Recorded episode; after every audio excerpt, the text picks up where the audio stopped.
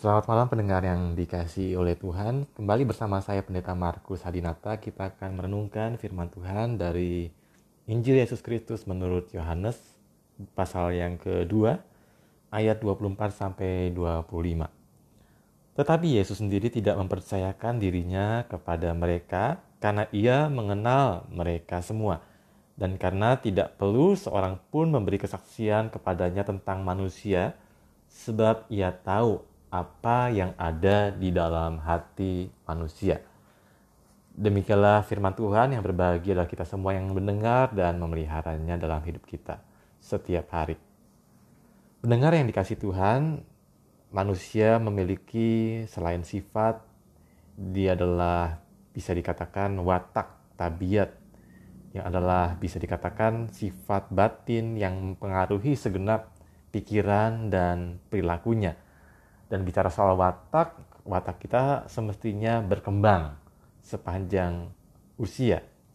Dan perkembangannya diharapkan adalah perkembangan ke arah yang lebih baik. Contoh, anak kecil belajar mengembangkan watak, sifat, karakternya dengan melihat watak baik orang lain, khususnya pertama-tama adalah orang tua mereka sendiri. Nah, kemudian kita juga bisa melihat bahwa kita bisa mengembangkan watak dengan mengamati orang lain. Dan kita juga bisa mengenal watak orang lain, misalnya si A, si B, si C.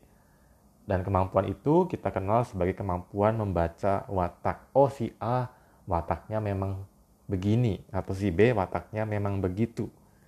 Dan hal ini tentunya juga berlaku terhadap diri kita sendiri, yang juga dibaca oleh orang lain. Itulah sebabnya kita perlu sikap mawas diri. Dalam kisah Injil, Yesus adalah Tuhan yang memiliki kemampuan membaca watak. Dalam bacaan tadi dicatat bahwa Yesus mengenal mereka semua dan tidak perlu seorang pun yang memberikan kesaksian padanya tentang manusia Sebab apa? Sebab ia tahu apa yang ada dalam hati manusia. Watak-watak apa saja yang Tuhan Yesus lihat? Tentu banyak ragamnya.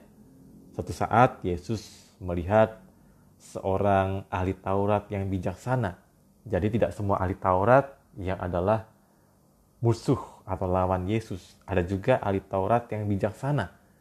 Sehingga Yesus memuji apa yang dikatakan oleh si ahli Taurat Misalnya dalam Markus 12 ayat 34 dikatakan Yesus melihat bagaimana bijaksananya jawab orang itu.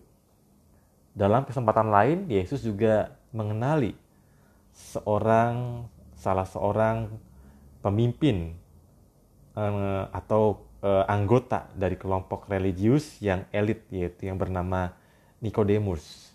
Dia adalah seorang dari 70 dari 70 orang anggota dewan Sanhedrin yang punya wewenang sesungguhnya dalam hal membuat keputusan yang tertinggi dalam segala urusan masyarakat Yahudi.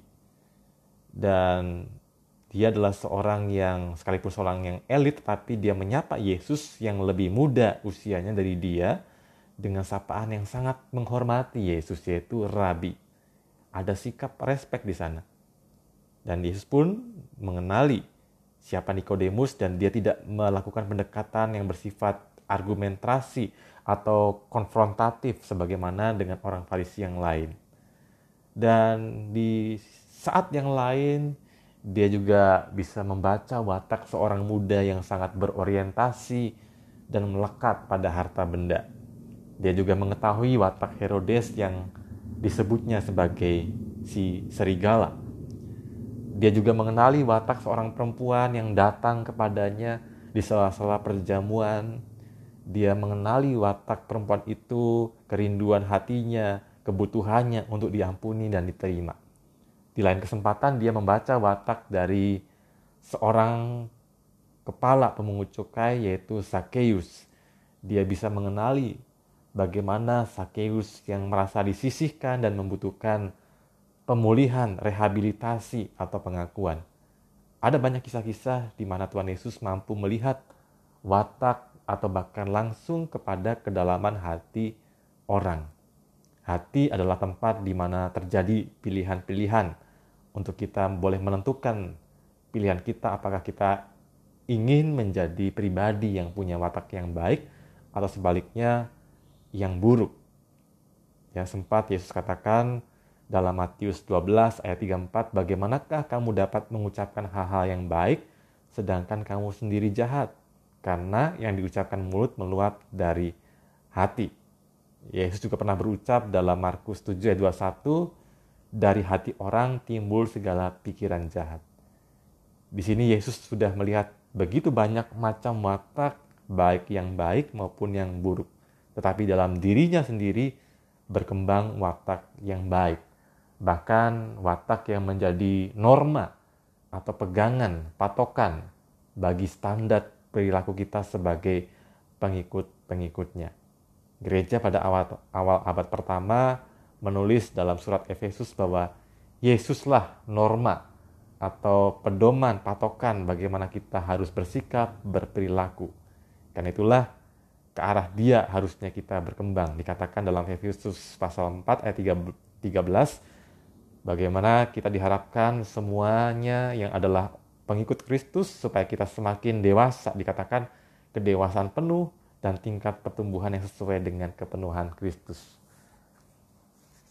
Mari kita berdoa. Bapak Surgawi, kami bersyukur untuk kebenaran firman Tuhan. Engkau adalah Allah yang mengenal siapa diri kami dan juga kedalaman hati kami.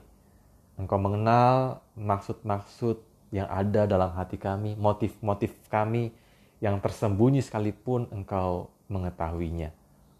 Tolonglah kami, ya Tuhan, agar kami dapat berkembang secara penuh ke arah Kristus. Sehingga kami boleh mencontoh dalam segala hal apa yang menjadi perasaan, pemikiran, dan juga keprihatinan Yesus di tengah-tengah dunia ini. Sehingga kami semakin hari boleh berkembang semakin serupa dengan Engkau di dalam segala hal. Terima kasih Bapa dalam Kristus kami berdoa. Amin.